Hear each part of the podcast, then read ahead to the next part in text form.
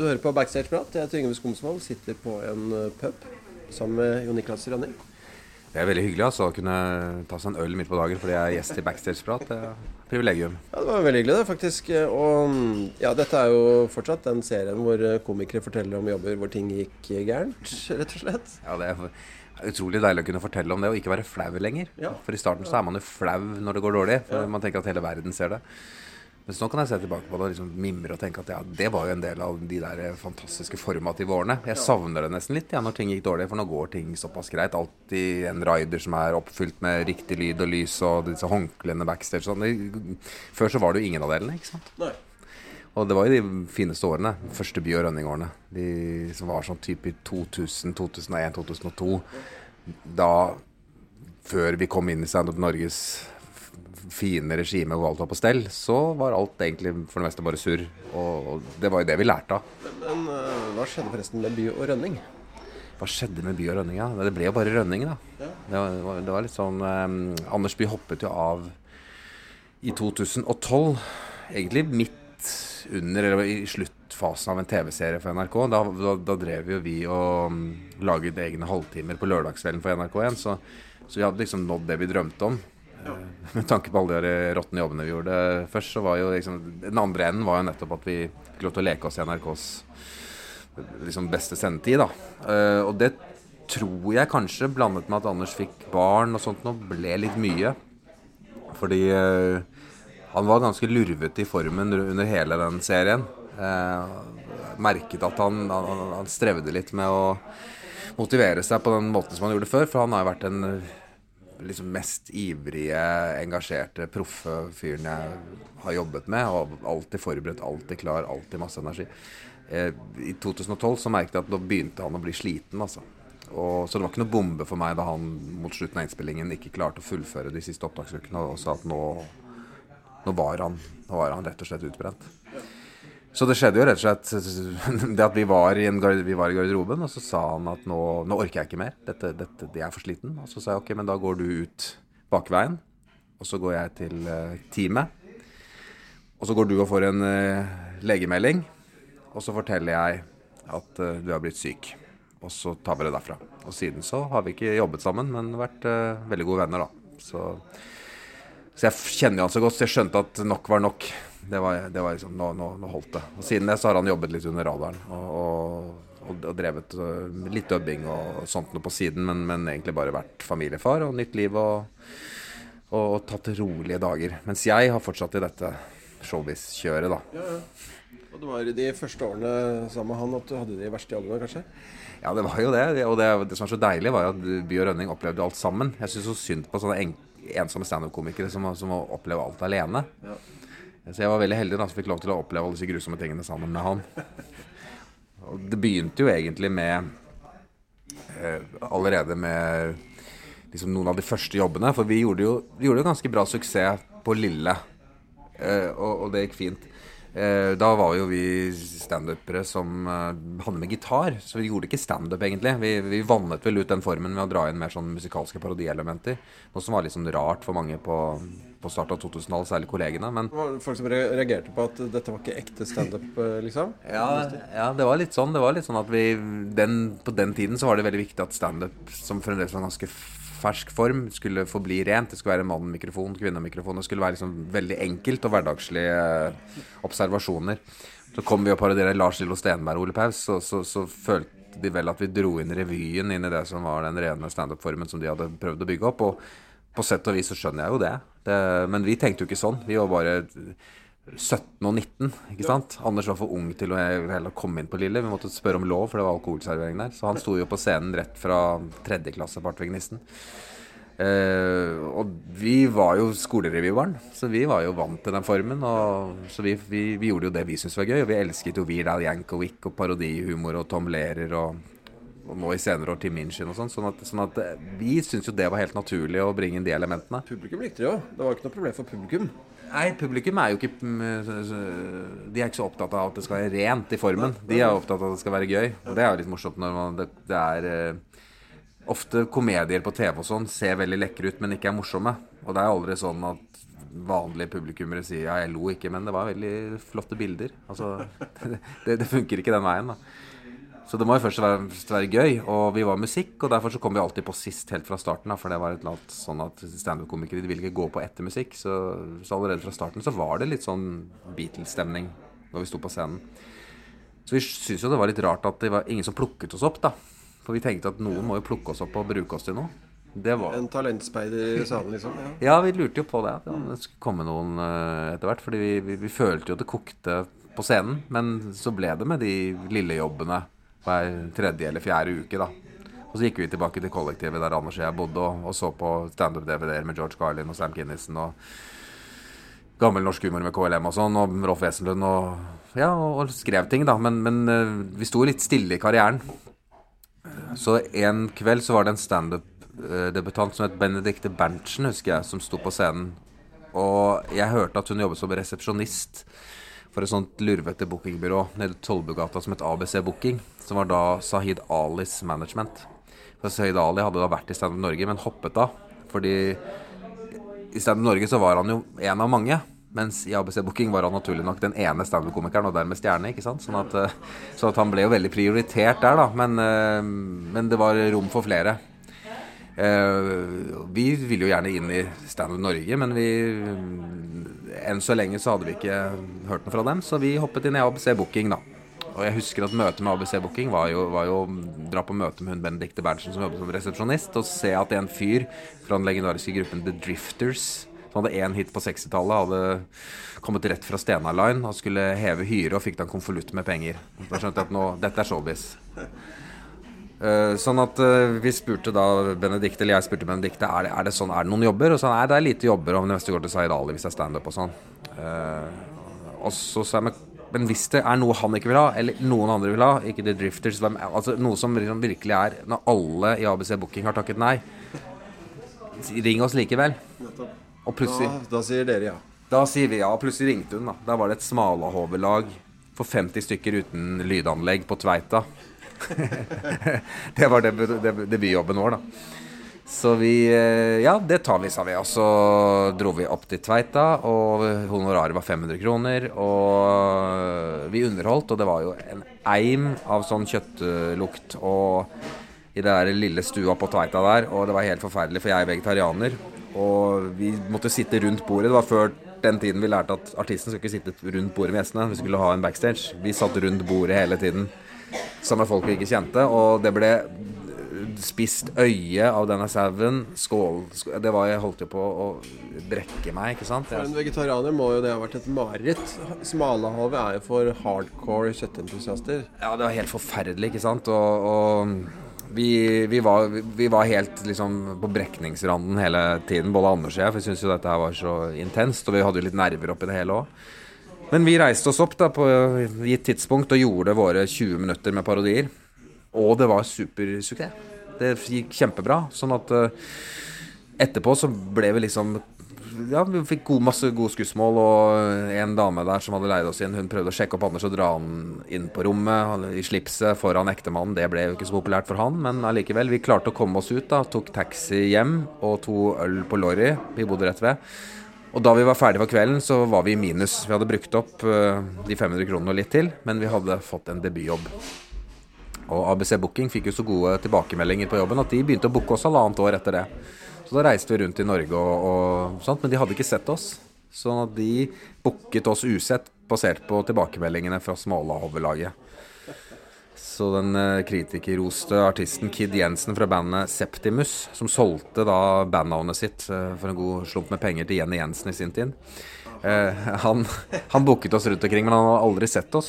Så etter halvannet år så tenkte vi at det er vel kanskje på tide at du ser oss, så du vet hva det er du selger. Ja, det var greit. Det kunne være interessant, sa han. Så da, da, fant vi ut at vi skulle opptre på Sjølyst, hvor ABC Booking hadde en stand for å vise frem sine artister. Og det gjorde vi, og siden fikk vi ikke en jobb. og det gikk konkurs. Da var det å gå videre. Det var ikke nok for dem at dere fikk gode tilbakemeldinger? Nei, det... Så lenge de selv ikke likte produktet? Jeg tror helt og slett at det gikk så på stumpene løs at eh, det var helt vilkårlig at, eh, at vi i det hele tatt viste frem noe. Og vi hadde fått en mengde merkelige jobber i forkant av det. da. For Kid Jensen, han var litt sånn eh, Hvis du ringte Kid Jensen ABC Booking og spurte har du storband, ja, det har vi, sa Kid Jensen. Og da gikk han rett inn på internett og googlet storband og booket det første beste han så. Så, så det var, det var litt, sånn, litt sånn type tid. Og jeg husker at en av de merkeligste og verste jobbene vi fikk, var jo i starten. Da fikk vi opptre på Klimt i Lillestrøm. Da hadde ABC Booking sagt at dette var en 20 minutters standup-gig. Det var det ikke da vi kom dit. Da vi kom dit, så så vi på plakaten på veien et svært bilde av oss. Og det stod at det var to og en halv time trubadurshow med og Rønning. Og vi hadde jo ikke én eneste låt på repertoaret som ikke var parodi. Vi hadde kun 20 minutter vi hadde øvd inn. Og lydanlegget lå slengt i et hjørne, så vi måtte ringe en kompis som kom eh, kjørende i full fart fra Oslo for å klare å rigge opp dette lydanlegget. Og så var det å prøve å finne opp en settliste med tre ganger 45 minutter med coverlåter. Det hadde vi jo naturlig nok ikke. Og problemet vi hadde da, var jo at Anders, som var frontvokalist, han var veldig dårlig på tekster, men han, han kunne forstå melodiene. Jeg var ganske god på å huske tekster, men jeg som spilte gitar, jeg var ikke så god på å plukke akkordene. Sånn at jeg måtte hviske tekstene til Anders, og Anders måtte nynne melodien til meg før vi det hele tatt kunne synge en låt. Så vi satt jo i pausen og var jo helt nervevrak. Og etter å ha sunget You Got A Friend fem ganger for et publikum som jeg håpet var så fulle at de ikke fikk med seg at, uh, at vi sang den fem ganger. Så pustet vi ut, pakket sammen sakene og prøvde å styrte ut av lokalet før eieren fikk tak i oss. Og uh, vi fikk 2000 kroner for dette her og dro hjem og tenkte at uh, ja ja, da har vi prøvd dette her også, men men 20 minutters komikere de er ikke automatisk trubadurer. Og jeg fikk enorm respekt for de som reiser rundt og synger Tore Tang. Det skal jeg aldri drive med. Terje Sporsem var jo trubadur. Ja, nettopp. Og det, det kunne kommet godt med for oss også. Jeg er Jon Niklas Rønning, og dette er mine verste opplevelser som komiker. En av de første gigene som Bjørn Rønning gikk, var på Lofotmessa. ligger, ligger, på Leknes. Jeg vet ikke, Har du vært der? Her? Jeg har vært eh, ikke på Leknes, men Svolvær og rundt eh, omkring. Men Lofotmessa hørtes jo ut som noe som kunne gå begge veier. Jeg si. ja, ikke, jeg har ikke putta det veldig høyt på CV-en, men uh, vi spilte i hvert fall der. Og, og de hadde hatt stor suksess med komikere tidligere. Vel å merke med nasjonal oppmerksomhet. Vi hadde jo ikke nasjonal oppmerksomhet før egentlig 2006. Og dette var i 2002. Så vi hadde jo egentlig ikke noe drakraft i Lofoten. Men vi var booket inn på kvelden på et arrangement som vanligvis trakk mye folk helt automatisk, for de solgte hvalkjøtt, og, og, det var liksom en svær oppstandelse. Folkefest? Eh, ja, ordentlig folkefest, og lokalavisen var der. Og de, de, jeg skjønte at dette gikk bar galt av sted, for vi hadde fått hovedoppslaget at vi skulle komme, men de hadde da tydeligvis ikke klart å trykke eh, riktig bilde, så det verste pikselerte bildet jeg noen gang har sett. var umulig å tyde at det var oss. Så det var bare masse piksler, og det sto 'By og Rønning kommer' og 'Folkefest'. Eh, vi skulle opprinnelig ha stått på scenen klokken ni, for det var det komikerne hadde gjort før. Og da var det automatisk eh, 1000 mennesker der. Som var så, som var, det var plass til 1000 mennesker på en utescene. Den lokale arrangøren som da var leder for idrettslaget, dette hadde vært eh, virkelig prioritert. De hadde solgt masse boller og kaker og holdt basar for å kunne tjene penger for å leie inn. Da. Så allerede der har du dårlig samvittighet når du kommer. Jan, som han het, han mm, hadde diskutert dette at det var et problem at det var så mange som kom så sent. Så det var fullt hus klokken 21 på komikere de tidligere årene. Men han hadde lyst til at folk kom litt tidligere, så han tenkte at hva om vi flytter det arrangementet hvor det er 1000 mennesker, til klokken halv fem. For da, da vil jo det automatisk de tusen menneskene komme da mye tidligere. Ja, ikke sant? Fryktelig dårlig idé. Ja, jeg må si det. Særlig med tanke på at de fleste da var på jobb eller på skole, og at det ikke var en sjel der klokken fire når vi skulle på halv fem. Men, men Jan han var sikker i sin sak, så han, øh, han sa dere må bare gå på. Så det er ikke et menneske her, det er jo bare du og to funksjonærer. Hva, hva skal vi gjøre for noe? Så sa han bare gå på scenen, bare gå og begynn å spille. Og, og, og, med en gang dere begynner å spille, så kommer folk til å komme strømmende til når de hører musikken. Og vi tenkte ja, nettopp, skal vi ha en sånn Rottefangeren i Hammel-greie, liksom? At vi liksom skal med våre Lillos-parodier dra inn mennesker. Det skjedde jo naturlig nok ikke. Så vi sto på en eh, sånn rampe foran da tre mennesker, hvor det egentlig skulle vært 1000 mennesker, klokken halv fem. Og ingen kom. Det er det verste jeg har opplevd, tror jeg. Altså, stå der og Anders og jeg så på hverandre. Skal vi, skal vi gjennomføre dette? Det er jo ikke et menneske som ser på. Eh, men vi gjorde jo det, da. Og, og gikk av scenen da til litt sped applaus fra Jan. Eh, og Hvordan var ansiktsuttrykket hans da? Husker du det? veldig morsk. Og jeg så på en måte at pengene som han hadde betalt for dette, de, det var sånn du, du vet sånn Donald Duck, hvor du ser eh, et pengebunke med sånne vinger på. Det var, det var sånn jeg følte det var oppi huet hans da. Sånn så, så han, han, var, han var særdeles misfornøyd, da. Så vi gikk av scenen og um, ble kjørt opp på hotellet som vi skulle bo på. Og jeg husker jo da i bilen opp dit, så var han ganske stille. Men han tok telefonen, og da ringte han Kurt Nilsen. Han var jo stor da. Han hadde jo slått gjennom i Idol. Så han gikk til Kurt Nilsens management og sa Hei, det, det, det er Jan fra Lofotmessa her. Og, og du, eh, Kurten, eh, hva gjør han i kveld? For jeg, og vi har to standup-komikere som de, de har ikke levert, for å si det mildt. Så, så hva gjør hva, Kurten? Ja, det går jo ikke an, det. Nei, det, det, det føltes ganske ille for oss, altså. Og, så vi ble nærmest sånn kasta inn i resepsjonen. Og igjen så følte vi det vondt at han hadde betalt for to hotellrom. Så jeg tenkte kanskje vi skal foreslå at vi på det samme, i hvert fall, for å være snill. Men, men vi, vi, vi flytta i hvert fall inn på dette hotellet, og klokka var da halv seks, tror jeg. Og vi hadde jo egentlig tenkt at, uh, at vi skulle spille på kvelden, men var, den sjansen var jo kjørt nå. Og så hadde vi hørt så mye pent om Lofoten og tenkte at det, det var Norges vakreste sted. hadde vi hørt og sånn. Jeg husker at Anders og jeg kanskje litt preget av den der jobben vi hadde gjort. da. Vi så liksom ut på fjord og fjell, og så så vi på hverandre og Litt oppskrytt, er det ikke det? så da, da, gikk vi på kinarestaurant og bowlet og prøvde å glemme hele den fordømte Lofotmessa den gangen. der. Altså. Vi har mange storyer. Ja, kan gjerne ta flere. Altså altså Alle standupere og komikere må jo alltid ha sånn ilddåp på Stena Line. Det, det, er fryktelig, ikke sant? Og eh, det gjorde vi også på starten av 2000-tallet sammen med Zaid Ali. Som den gangen var sammen med Janne Rønningen, så Janne var med som en slags anstand den gangen. Alle burde vel hatt Janne Rønning som anstand på et eller annet tidspunkt i livet. Uh, så Janne og Sahid og, og Bjørn Rønning, vi dro på dansebåten tidlig tidlig 2000. Og vi var litt stolte, da, for vi hadde ikke vært på en offisiell plakat før. Så vi kom inn, og så så vi at vi faktisk var eh, klistra opp på veggen på Stena Line. I sånn delt bilde var Zaid Ali, Bjørn Rønning og Tor Erik Gunnstrøm. Så det, da følte vi at nå var vi en del av det offisielle norske showbiz. 22 år gamle og allerede nå på Dizzie Tunes-nivå. Ja, for han gjorde en eh, gig der, han òg? Ja, da, han, eh, han har vært fast på danskebåten i mange år. Og han gjør en sånn Federico Della Fiasco. Så han, eh, han hadde gjort stor suksess ifølge cruiseverten. Det er jo alltid en litt sånn loslitt cruisevert som fyker rundt og, og, snakker om storheter de har hatt der. Og vi kom inn, og vi skulle gjøre show, og vi skjønte jo at dette kom til å gå gærent, da. Fordi folk var jo veldig fulle allerede før de hadde rukket å liksom, rukket å bli ettermiddag der. Sånn at vi visste at vi skulle på sånn en nitiden, så dette kom til å gå galt. Og det gjorde det også. Vi sto på scenen, og vi varmet opp for Sahid Ali. Naturlig nok. Den gangen var jo han uh, veldig stor. Sånn at uh, vi hadde jo musikk, og det var ikke mulig å kommunisere til de menneskene som da skulle se dette showet, at det vi drev med, var um, humoristiske tekster. Så med en gang vi dro frem gitaren, så begynte jo de å enten prate eller danse til låtene. Så jeg husker jeg prøvde å spille litt i utakt, sånn at kanskje de på en eller annen måte satte seg ned og lyttet til de der paroditekstene, fremfor å føle at vi var et sånt danseband da, på, på lavt nivå. Det hjalp ikke, og det hjalp heller ikke da Zaid Ali kom på for å gjøre ren standup, for de danset til standupen også. Eh, gjorde de det bokstavelig talt? Ja, de fulgte ikke med. Var, de dansa selv om det ikke var noe musikk der? Eller? Ja, de, de, altså, de, bare sto og De bare sto og de var, de var på sin egen fest, da. Men Hvordan føles det å gjøre, prøve å gjøre humor for noen som bare danser som om det var et danseband?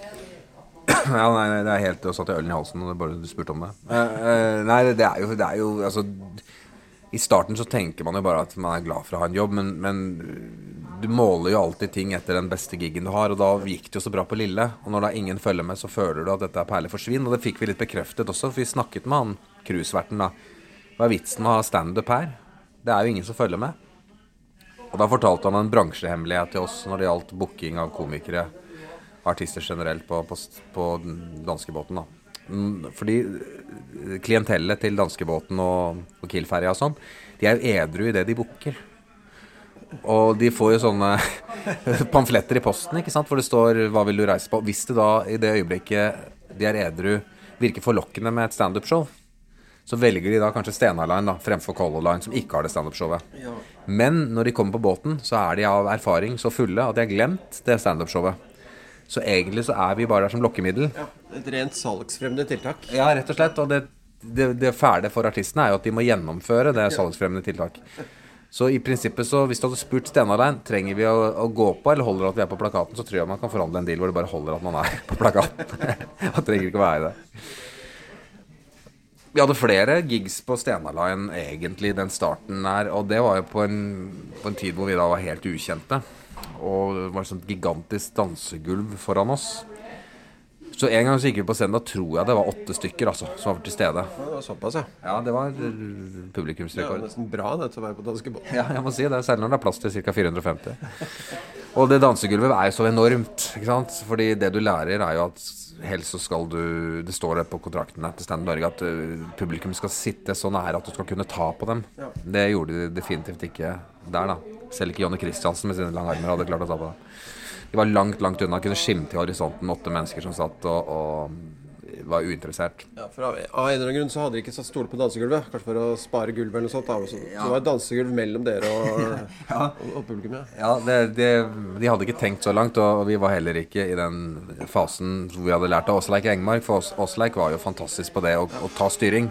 Hadde han stått på danskebåten, som han sikkert ikke hadde gjort, men hvis han hadde gjort det den gangen, så hadde han jo sagt til cruiseverten her skal stolene stå tett opp til scenen. Vi skal lage et intimt rom, vi skal bygge det inn, og så hadde det kanskje gått. Det tenkte ikke vi på.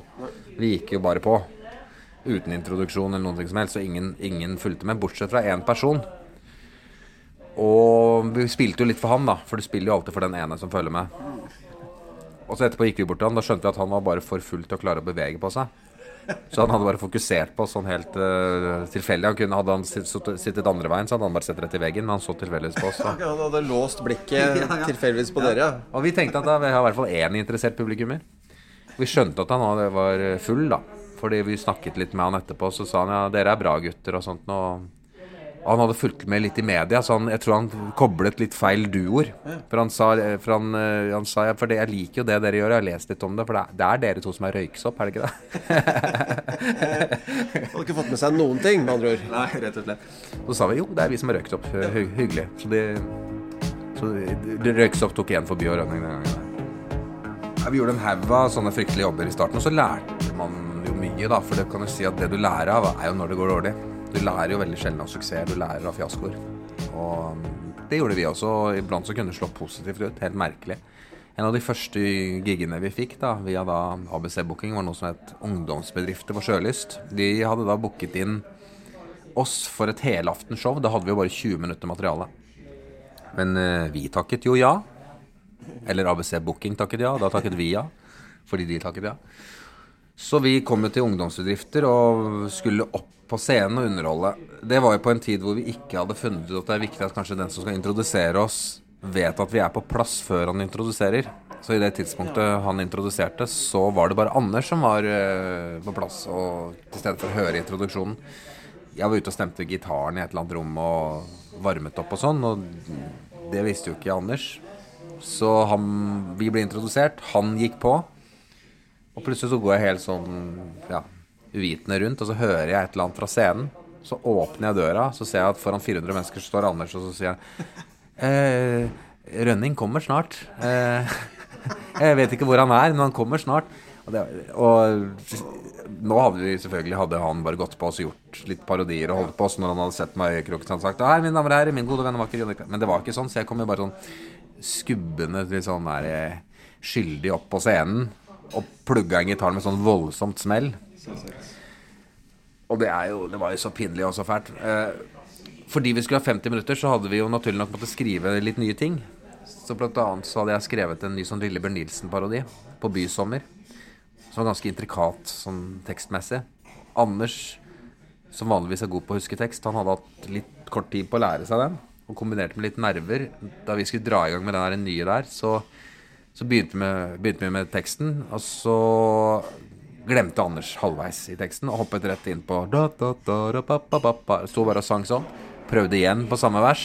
Stoppa på samme sted. Hoppa tilbake til da, da, da, da, da, da, da, da. Prøvde en tredje gang. Da kom han ikke så langt som halvveis en gang. Tilbake til da, da, da, da. Altså, Til slutt så ble han bare stående og synge det riffet der. Og så skjønte jeg at dette bærer jo ingen sted hen. Mislykket forsøk tre ganger, så jeg bare drar siste akkorden, og så får vi sånn sped applaus.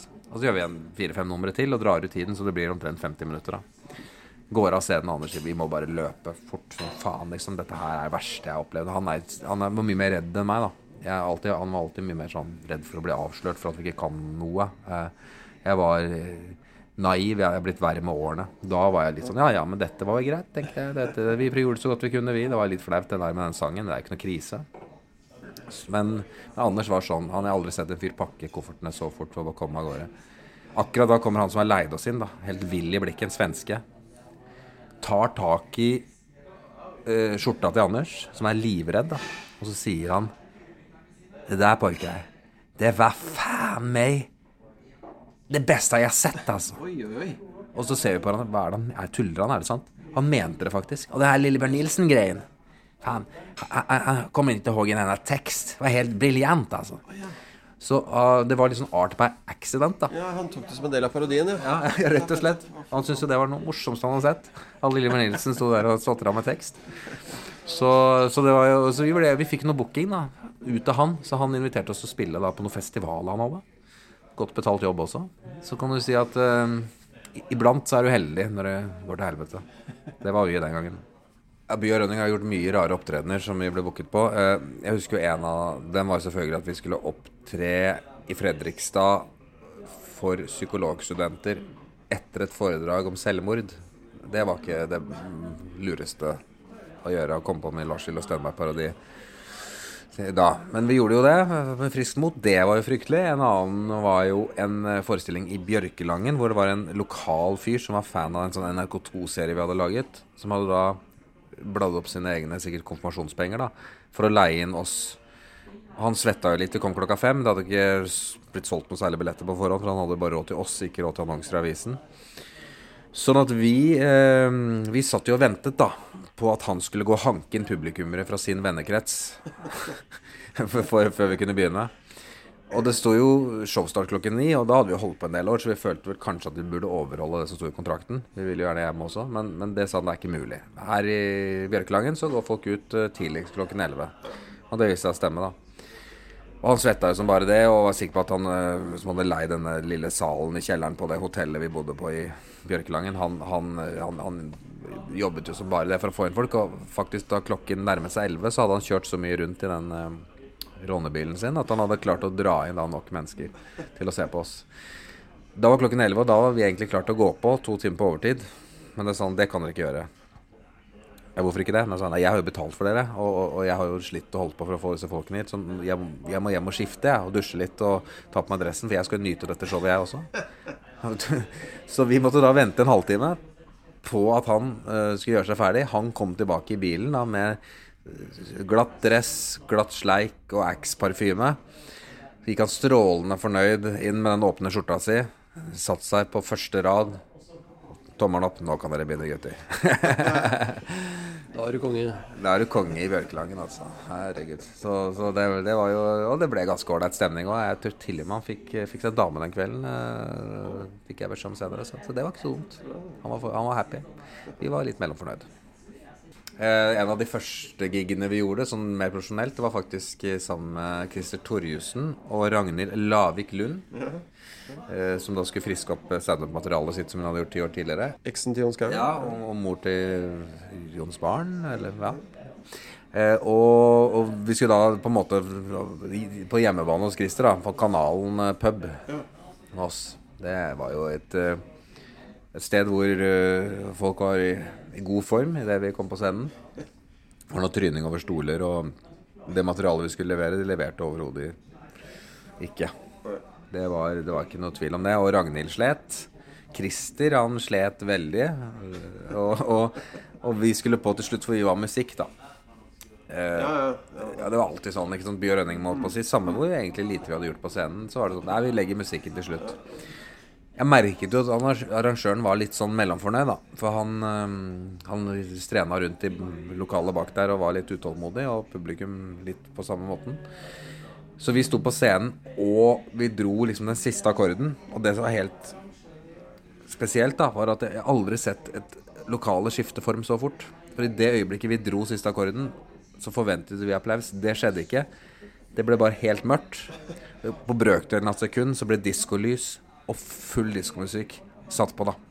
Så hele lokalet ble bare på et knips omvandlet fra en standup-klubb til, til et diskolokale. Og vi måtte da sånn pliktskyldigst bare pakke sammen gitaren og, og snike oss av scenen. Som om det var en tidsbryter? Ja, eller bare en overivrig bar bartender? Ja, og han, han skulle i hvert fall skulle, Ved første mulige anledning så skulle vi bare fades ut og glemmes.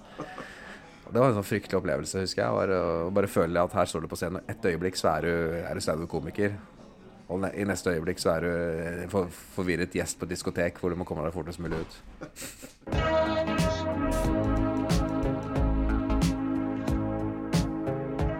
Hi, my name's Dex Carrington. I've been doing stand up for about seven years, and uh, it can get pretty brutal. The stand up is a pretty intense business. Like, uh, you know, you travel around a lot, and a lot of weird shit happens. And then one time I was at uh, I was at a bar uh, after a, after a show. I saw a girl, and she was really hot. And I was like, oh, definitely got to talk to her. But there was a guy. He just kept swar. He was like swarming around her the whole time. I was like, God damn it! Why did that guy not just give up?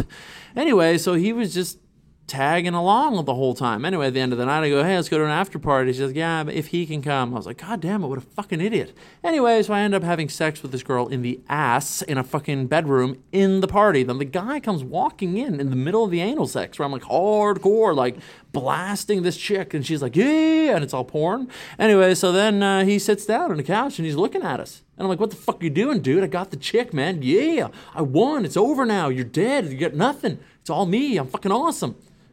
And then he goes, Sarah, we got to go. And I go, Sarah, how do you even know her name? Who are you? I'm her little brother.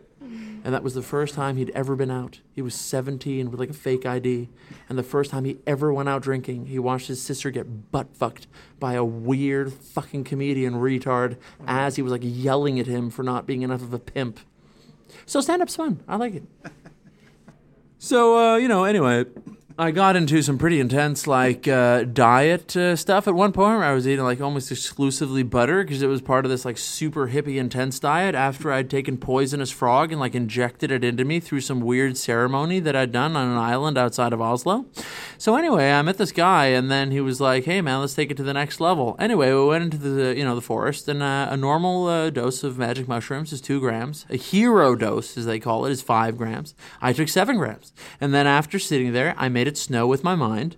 And then once I'd made it snow with my mind, then we really got into it. And he goes, Hey, man, do you want to go to the next level? I was like, What are you talking about? Because I'm taking about 127 supplements a day. I'm drinking butter coffee for breakfast. I'm eating some pretty intense stuff. And this is getting pretty sick right now. So what's happening? Because I've already asked him before, like, Hey, man, with this intense, weird, super strict diet, like, how do you even have any friends? Dude, you got to get friends who eat the same. I was like, Yeah, weirdos like you. Because here's what he did. He goes, I'm going to take you to the next level. He takes out the mug uh, or, of the thermos or like the, the the thermos cup, and he pees in it. And I go, "What is happening? Do you want me to drink your pee?" He's like, "What are you joking? I'm going to drink my pee. You drink your pee." That's how it goes. And I was like, what is happening? Anyway, so that's how I knew that like having hippie friends was way more interesting than having normal friends because as some guy was telling me to drink pee, even though I didn't, other people were doing normal, boring stuff like laundry. So that's why I like being a comedian.